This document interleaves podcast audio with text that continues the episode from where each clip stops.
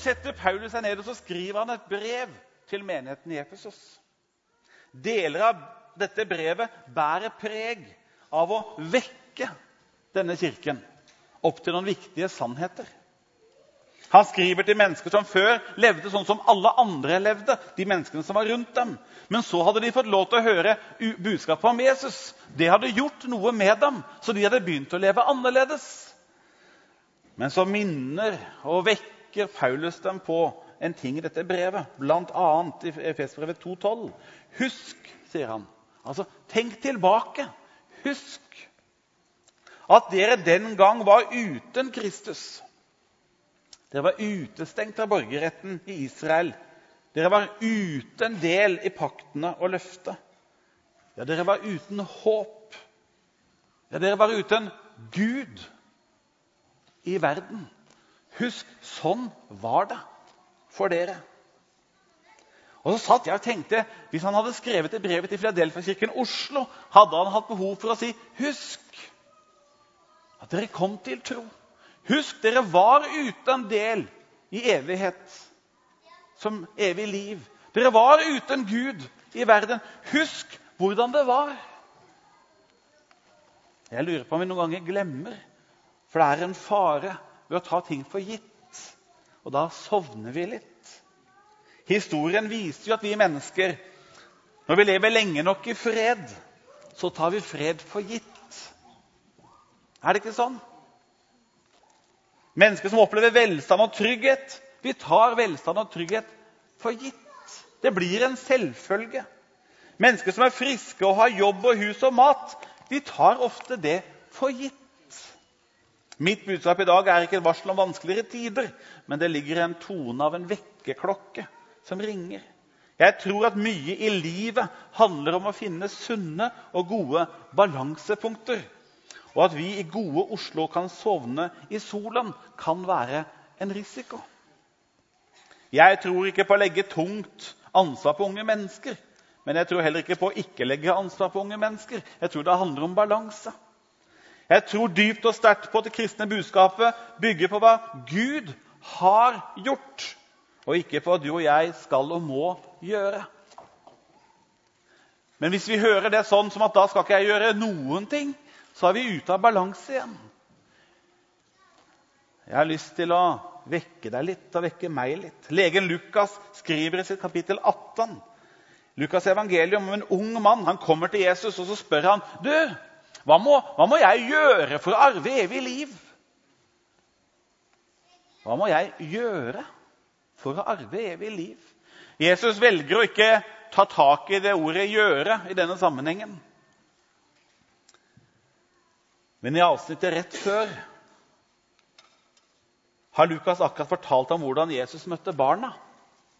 Han sier i Lukas 18, 17, sannelig, sannelig, sier jeg dere, den som ikke tar imot Guds rike som et lite barn, skal ikke komme inn i det.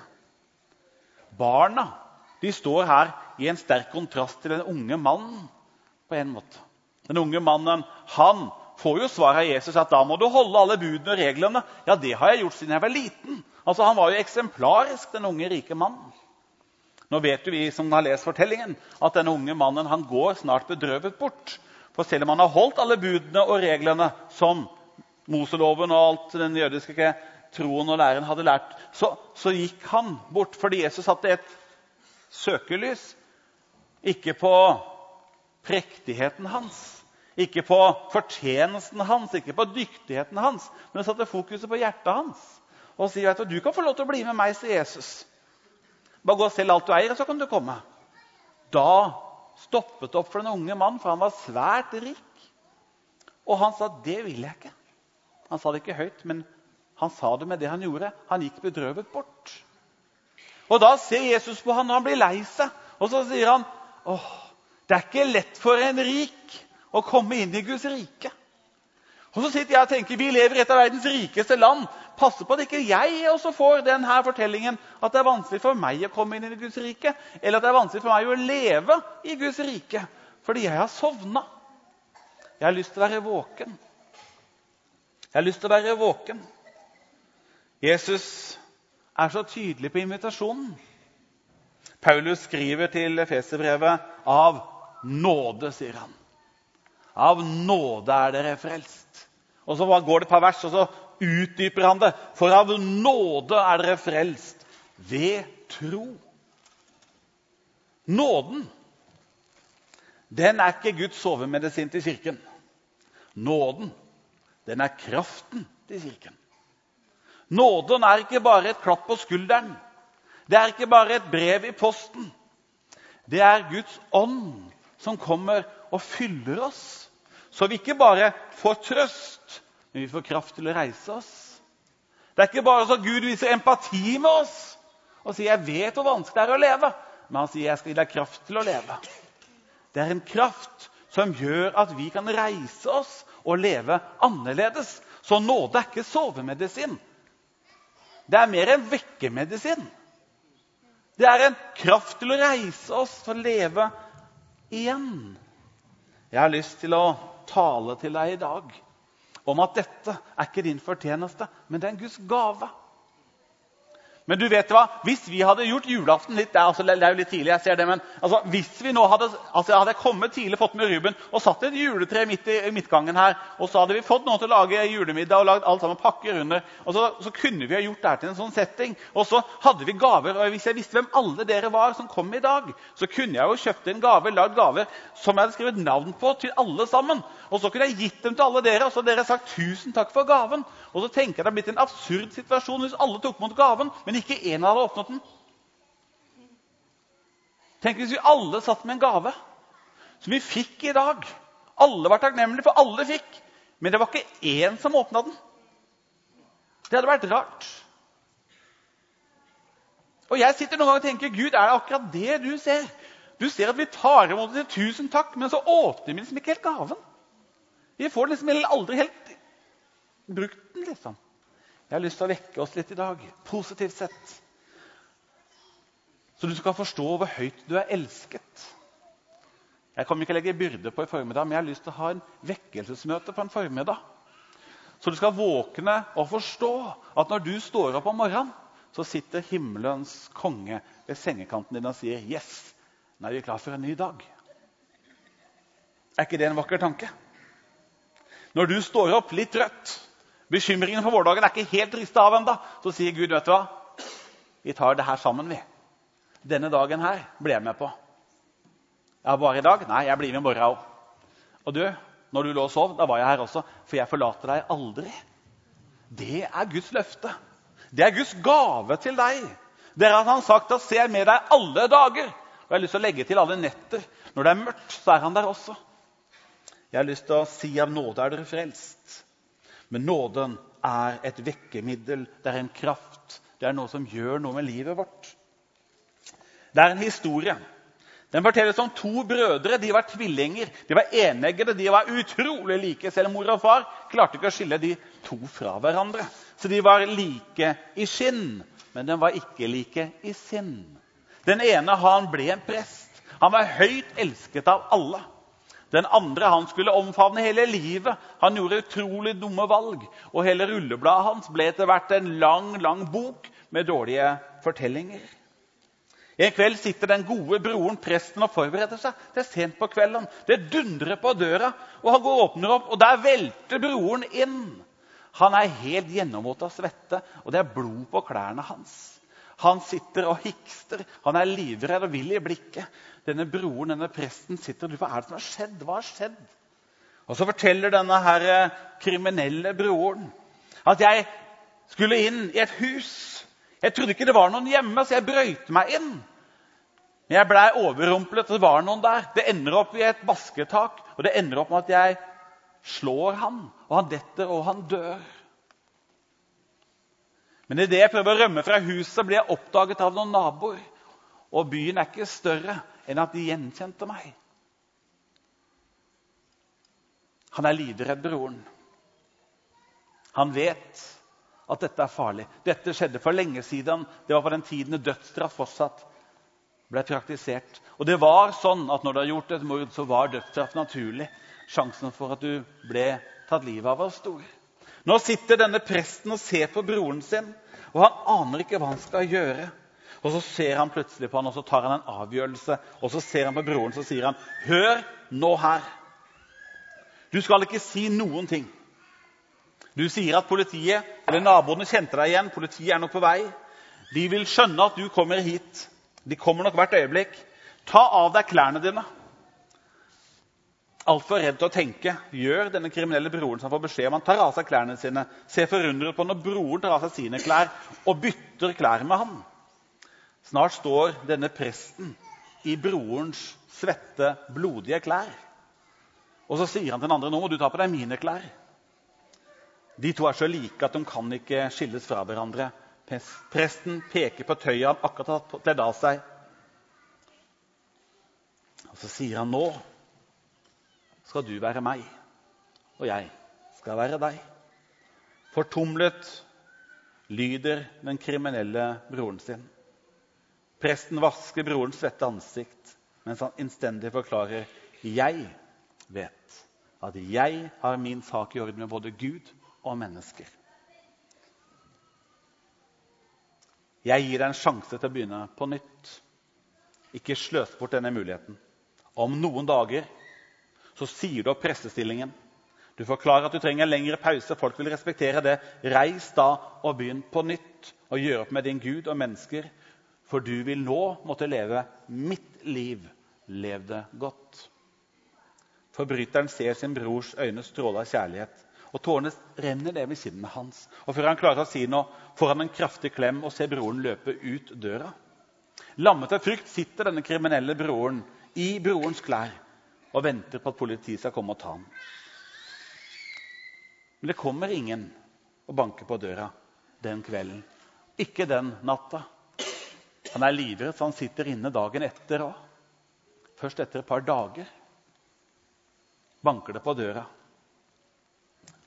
Resignert, klar for å møte sin skjebne, åpner han døra. Men der står det ingen politi. Det står en fra Kirkerådet. Ansiktet bærer preg av sorg og medfølelse. Og så sier denne mannen, 'Din bror ble henretta i dag for mord.' Han døde uten å forsvare seg. Det eneste han ba om, var at du skulle få beskjed om at han elsker deg av hele hjertet. Og så går denne mannen. Den kriminelle broren sitter igjen med ansiktet i hendene sine. Tårene renner. Smerten i hjertet er ubeskrivelig. Broren tok plassen hans. Nå var han død. Den uskyldige døde for at den skyldige skulle gå fri. Og så husker han brorens ord. Du vil måtte leve mitt liv nå. Lev det godt, og jeg elsker deg av hele hjertet. Dette er det nåde handler om. Å ufortjent få en mulighet til å leve et nytt liv. Ufortjent få en sjanse til. Den uskyldige dør for at den skyldige skal få mulighet til å leve om igjen. Alle Jesu etterfølgere har fått denne muligheten. Det er det vi kaller nåde. Min bønn er at denne nåden skal virke i meg, slik at menneskene rundt meg får oppleve noe av den nåden gjennom mitt liv. Nåde er Kirkens måte å leve på. Nåde er Kirkens måte å leve på. Hvis vi gjør det annerledes, så har vi veket bort ifra den malen som Jesus satte. Tro og håp. Jeg tror det er de to viktigste begrepene i kristendommen. Og de har en ting til felles, tro og håp. Det er at de begge to ikke kan fortjenes. De må bare bli gitt som gaver. Du kan bare ta imot det. Du må bare si 'tusen takk', for du kan ikke fortjene det. Jeg tenker noen ganger Når vi hører ordet tro, så begynner vi automatisk å koble det mot hodet. Det handler om å forstå noen ting. Vi kaller det det kognitivt. Det er noe som hodet skal forholde seg til. Det er som å tro at Gud eksisterer. Jeg er noen ganger redd for at vi gjør troen altfor hodestyrt. For den handler veldig mye om hjertet. Jeg tror at noen ganger at tro mer enn å forstå handler om tillit. Jeg tenker at Mye av min tro den handler om at jeg, jeg stoler på Gud. på ting jeg ikke aner helt hva det betyr. Hvor dypt det er. Det, altså, jeg, det er større enn jeg klarer å gripe det. Men jeg stoler på det. Jeg har hatt barn. Tre barn har jeg. Jeg husker når de var små. Da så jeg tillit i praksis. De ante jo ikke hva det kosta. De ante ikke om det var farlig.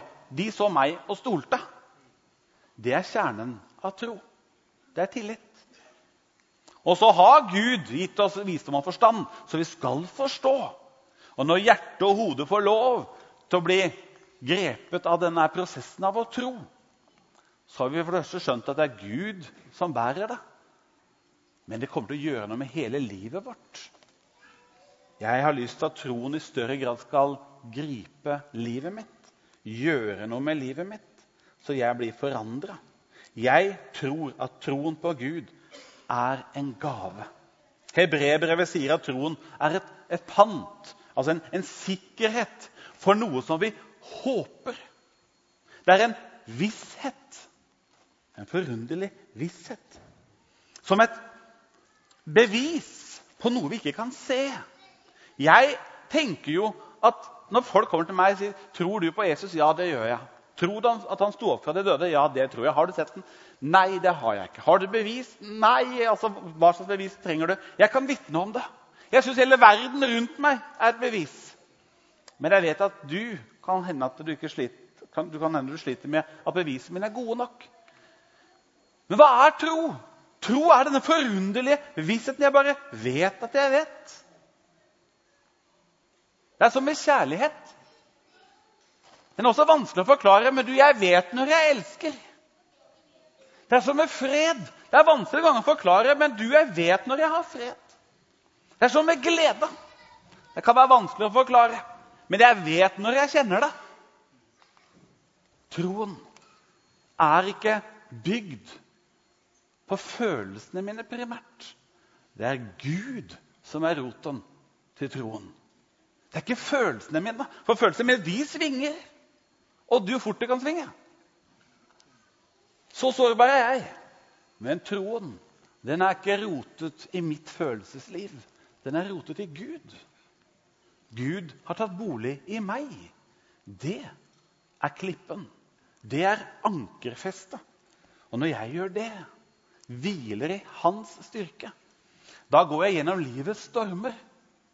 Og jeg vippes ikke over. Jeg går ikke under.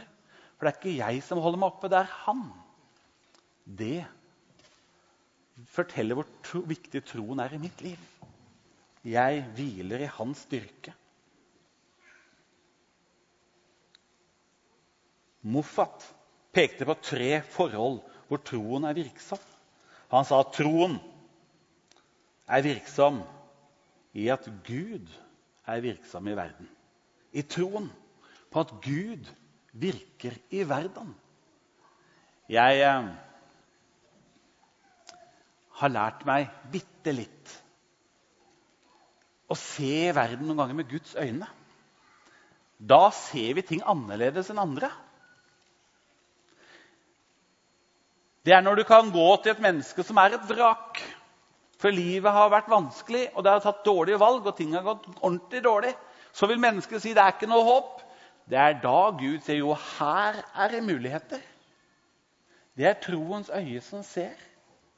Når folk sier det her er det jo, han er syk, det er ikke mer å gjøre her. Det er når Jesus kommer fire dager for sent til Lasarus, han har vært død i fire dager. Da sier alle sammen nå er det ikke noe annet igjen enn å sørge. Og han sier du, det er jeg kom akkurat i tide. Dette her er oppstandelsesdagen. Det er når de kommer, de spedalske, de blinde og de lamme. Det er når mennesker kommer som er bundet av all slags ting, av rus, av vonde minner, burde opplevd overgrep, og alle sier det er ikke noe håp lenger. Så kommer Gud og sier jo er det håp. Troens øye ser. For regnestykket til Gud er jo våre muligheter og Guds. Og i summen av det så går det i pluss. I tid og i evighet. Jeg har blitt veldig fascinert og inspirert mange ganger av denne fortellingen fra Gamle testamentet. Det er tre bortførte gutter, altså ført bort som slaver til Babylon. til Babylon. Og der ble de ved en anledning satt på et valg. De sa nå må dere, hvis dere nå er villige til å avsi dere, frasi dere troen deres, så skal dere leve. Hvis ikke så blir dere brent levende. De tre gutta, Shadrach, Mesak og Abednego, de står oppreist. Og så sier de, 'Du skal vite, konge, at vår Gud, han er mektig til å frelse oss ut av din hånd.' Det er tro, det. Og så avslutter de ikke med det. De sier at hvis han ikke gjør det, så skal de vite at vi bøyer ikke kne uansett. For vi velger å tro på Gud og stå for Gud og betale prisen med lidelse, som det noen ganger er. For en etterfølger av Jesus er ikke bare en reise i bare komfort. Det er ikke alltid at du får den billigste prisen. Det er noen ganger du har den høyeste prisen. Det er noen som har betalt med livet sitt for dette. Det er noen som måtte stå imot alle vinder og mot alle omstendigheter og mot alle folk fordi troen ble satt på prøve. Jeg tenker at troen vil bli testet hos alle som beveger seg. Eneste gangen troen ikke blir utfordret særlig, det er når du sitter stille. Når du sovner. Men vi er satt til å bevege oss og gå med Kristus. Kirken er satt til å bevege seg. Rekke ut hendene, røre ved de syke, gå til de fortapte. Kirken er satt til å gå ut til de som er i nød. Derfor er det viktig med diakoni. Derfor er det viktig med misjon. Derfor er det viktig at jeg deler litt mitt liv med mine naboer. Og da kan det hende det koster. Men troen min er det Gud som gir. Men jeg må gi Han rom til at den får vokse. Jeg ser en Gud som er virksom i min verden. Jeg ser en, det kristne håpet. Hvor jeg tenker noen ganger at noen ganger må jeg nesten tro på ånden istedenfor sansene mine. Det er noen ganger hvor det jeg ser, har lyst til å si at det er det jeg ser, er sant. Det jeg hører, er sant. Men så er det noen ganger jeg har fått, jeg har fått en, en ny sans. Det heter Den hellige ånd. Så kan Helligånd si ja, men du, jeg vet hva du ser, men du, jeg skal gi deg et nytt syn. Du skal få lov til å se noe nytt med troens øye. Det er da Jesus reiser opp til syke. Det er da han sier at ja, visst er det mørkt, men det er lyst. Ja, visst er det håpløst, men du er fullt av håp. Dette er det Gud har gitt oss. Og den her igjen, denne troen har ikke røtter i følelseslivet mitt. Det er ikke der den går. Den går dypere enn det den går inn i Gud. Og Gud inn i meg. Da kan jeg få lov til å bli båret gjennom alle disse tøffe tider. Og tøffe tider kommer. Lever du lenge nok, så kommer de onde dagene. Jeg har lyst til å si du har fått Den hellige ånd. Du har fått en ny sans. Og denne, noen ganger vil alle de andre sansene si at det går nedover. Så er det noe inni deg som sier nei da, det går oppover. Noen ganger vil du alt i deg si nei, nå er det slutt. Så sier Gud nei da, nå går det framover. Det er en kraft i denne troen vår som kan selv på en begravelse hvor alle sier at nå var det død. Nei da. Det er liv. Det er evig liv. Er ikke det, Kim? Vi er enige om det. Det er liv. Det er evig liv. Troens øye er viktig. Det kristne håpet vil også gjøre at troen den kobler seg på framtid, ikke på fortid. Og ikke misforstå meg nå. Jeg tror at vi må ha et oppgjort forhold til vår fortid. For jeg tror at vår fortid på godt og vondt påvirker nåtid og framtid. Derfor er det viktig å ha et oppgjort forhold til vår fortid. Jeg tror sterkt på viktigheten av at vi ikke lever med et fokus på framtid som gjør at vi ikke er til stede i nåtid. Men mitt poeng er at vi kan ikke ta valg. Den troende kan ikke ta valg som om hele verden handlet bare om nå. For hele mitt liv handler om å så og vanne og høste. Hele mitt liv leves herfra og fram til jeg mottas i Guds åpne favn. Og hele livet mitt skal bli veid. Det jeg gjør i dag, må jeg leve målt imot framtiden som Gud har lagt. Jeg er i går og i dag og til evig tid den samme. Jeg må leve i hele det spennet. Troen har sagt at jeg lever ikke bare i øyeblikket. Altså, Den som lever i øyeblikket, kan si jeg nyter det her nå. og hva det betyr, konsekvensen er ikke så farlig, for jeg lever bare nå. Du, den kristne kan ikke gjøre det. For den kristne vil vite at det jeg gjør nå, det vil ha en høst for morgendagen. Det jeg gjør nå, det vil ha en høst for evigheten. Det betyr at det er spennende å leve, for det jeg gjør nå, kan ha evige konsekvenser. Det er den troendes perspektiv. Jeg har lyst til å oppmuntre deg på at nåden er viktig. Tro er viktig. Håp er ikke bare desperasjonen at jeg håper dette vinnerloddet slår til. Nei, håpet det er en sannhet som Gud har gitt oss. Det er hans påminnelse om at det ligger noe foran deg som er bedre enn det som ligger bak deg. Det håpet er ikke bare desperasjon. at jeg, Når jeg lukker øynene og åpner dem igjen, så håper jeg det vonde er borte. Det er desperasjon. Jeg håper at vinnerloddet det er følelser. Det er noen...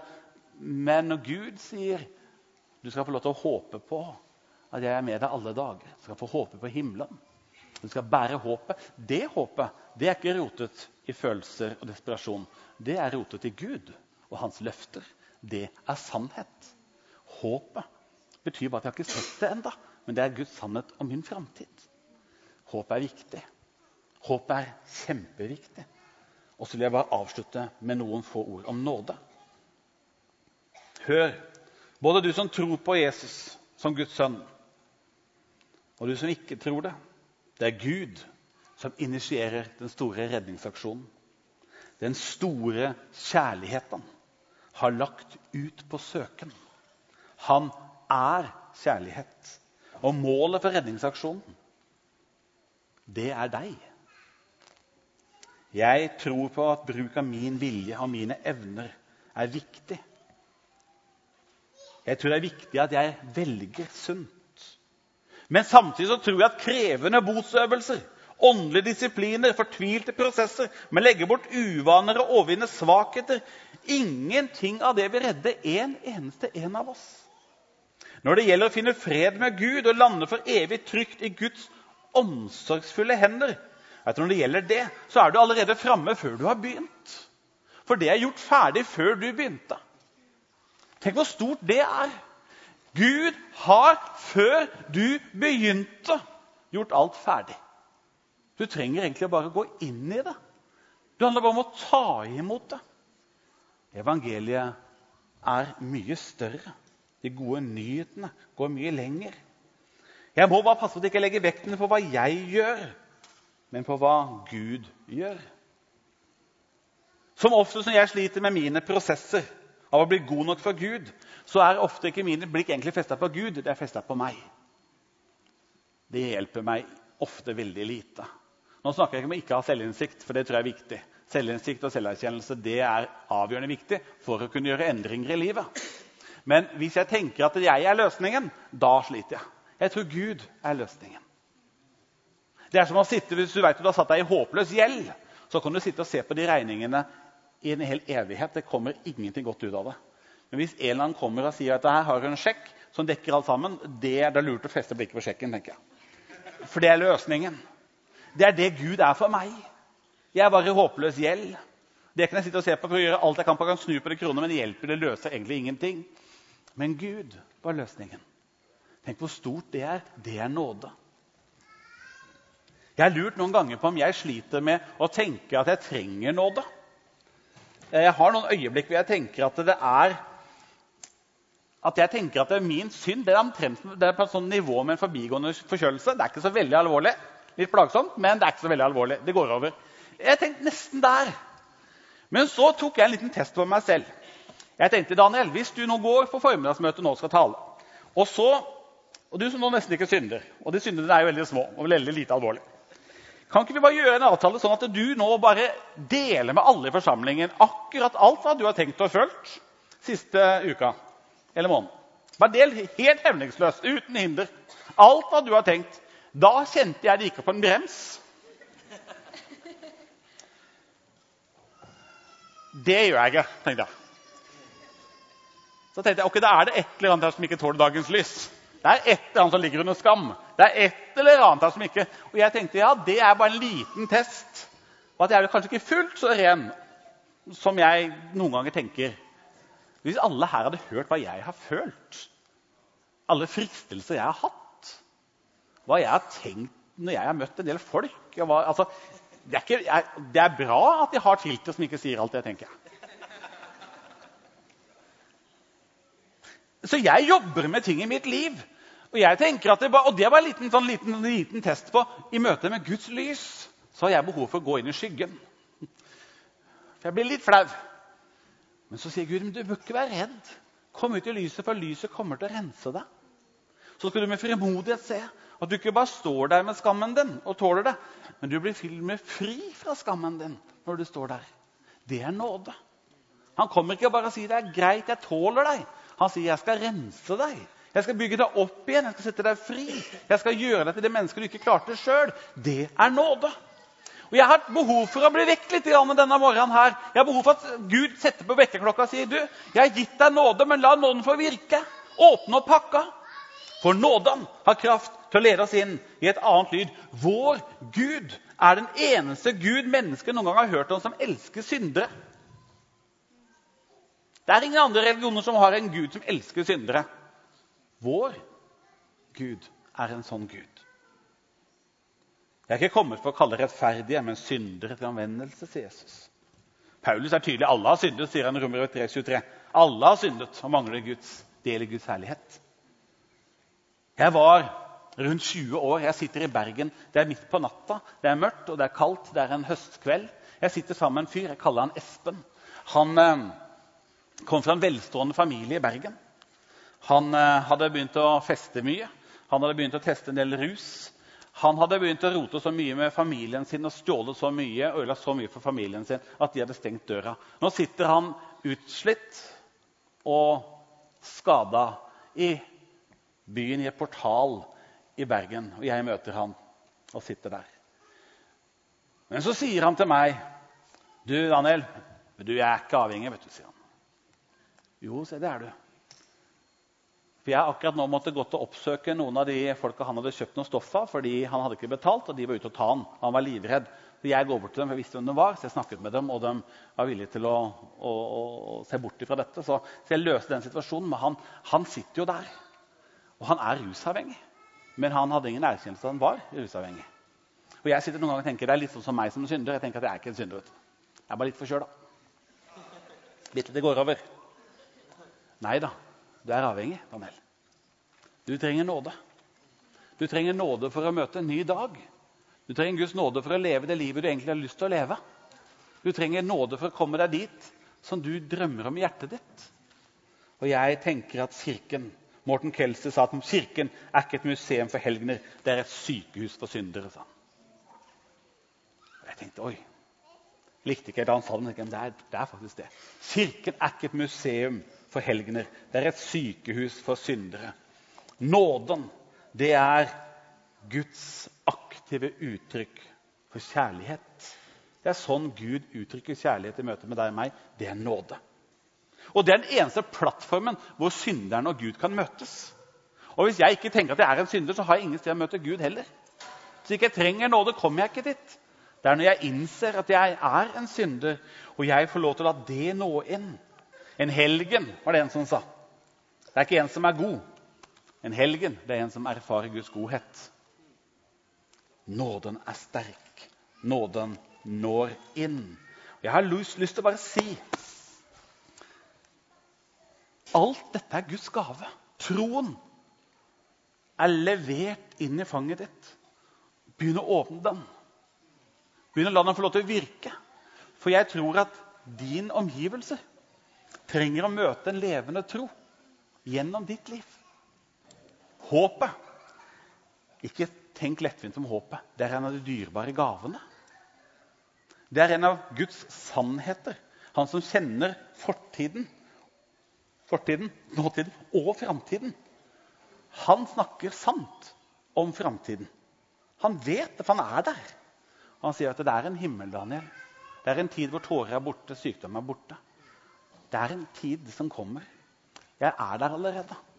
Så når jeg gir et håp, så er det ikke meningsløst, det er ikke skjørt, det er ikke bare optikk, det er ikke eventyr. Det er sant. Når jeg har sagt at du kommer til å komme gjennom det her Tunnelen er mørk, men det er et lys der borte. Jeg er et lys allerede. Det er ikke, bare et, det er ikke en fattig, tom trøst. Det er sant. Det håpet er rotet til Guds sannhet. Vi trenger å ha det håpet der. Når vi har det håpet og kan begynne å leve det bre det ut til menneskene rundt oss, så vil vi smitte tro og håp. Og så har jeg lyst til å bare løfte enda en gang nåden. Jeg trenger å innse at jeg trenger nåde. At dette her, fellesskapet her Dere er jo en gjeng med syndere, alle sammen. Ta det gjerne personlig.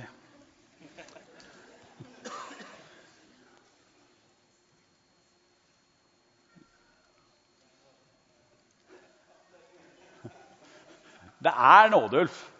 Og nåden er nok. Der synden er stor, Tore, der er nåden enda større. Dette må jeg åpne opp. Denne gaven må jeg våkne opp for. Ta den inn. For jeg tenker at mennesker i mitt nabolag trenger å møte nåde. Når de har gjort noe gærent, oppført seg dårlig, så skal ikke jeg bli en sint, uforsonlig kristen. Nei, jeg skal være en nådefull kristen. Jeg skal være en troende kristen, en håpefull kristen. Så mennesker rundt meg de begynner å få tro. Mennesker rundt meg begynner å kjenne eiven av håp. Og de som kommer i møte med mitt liv, uansett hva de har sagt og gjort, mot meg, mot andre, skal kjenne elven av nåde. For det har jeg fått. Og det har jeg begynt å åpne opp i mitt liv. Men det her lille vekkelsesmøtet denne formiddagen nå skal jeg eh, hvert øyeblikk invitere dere, som vi alltid gjør, til å gi en respons. Men den viktigste responsen er ikke hva du gjør akkurat i rommet her. Det er at du åpner hjertet litt. Kanskje den vekkerklokka skal ringe litt. Så du gjennom denne sommeren begynner å gå og tenke litt. Er troen Har jeg sovna i solen? Eller er troen levende? Er håpet høyt oppe? Kjenner jeg takknemlighet for nåden? For jeg skjønner at jeg trenger den. Jeg trengte den ikke bare én gang. Jeg trenger den hele tiden. Og den er ikke bare et klapp på skulderen, det er en kraft som virker i meg til å leve framover. Skal vi reise oss? Kan lovsangerne komme opp?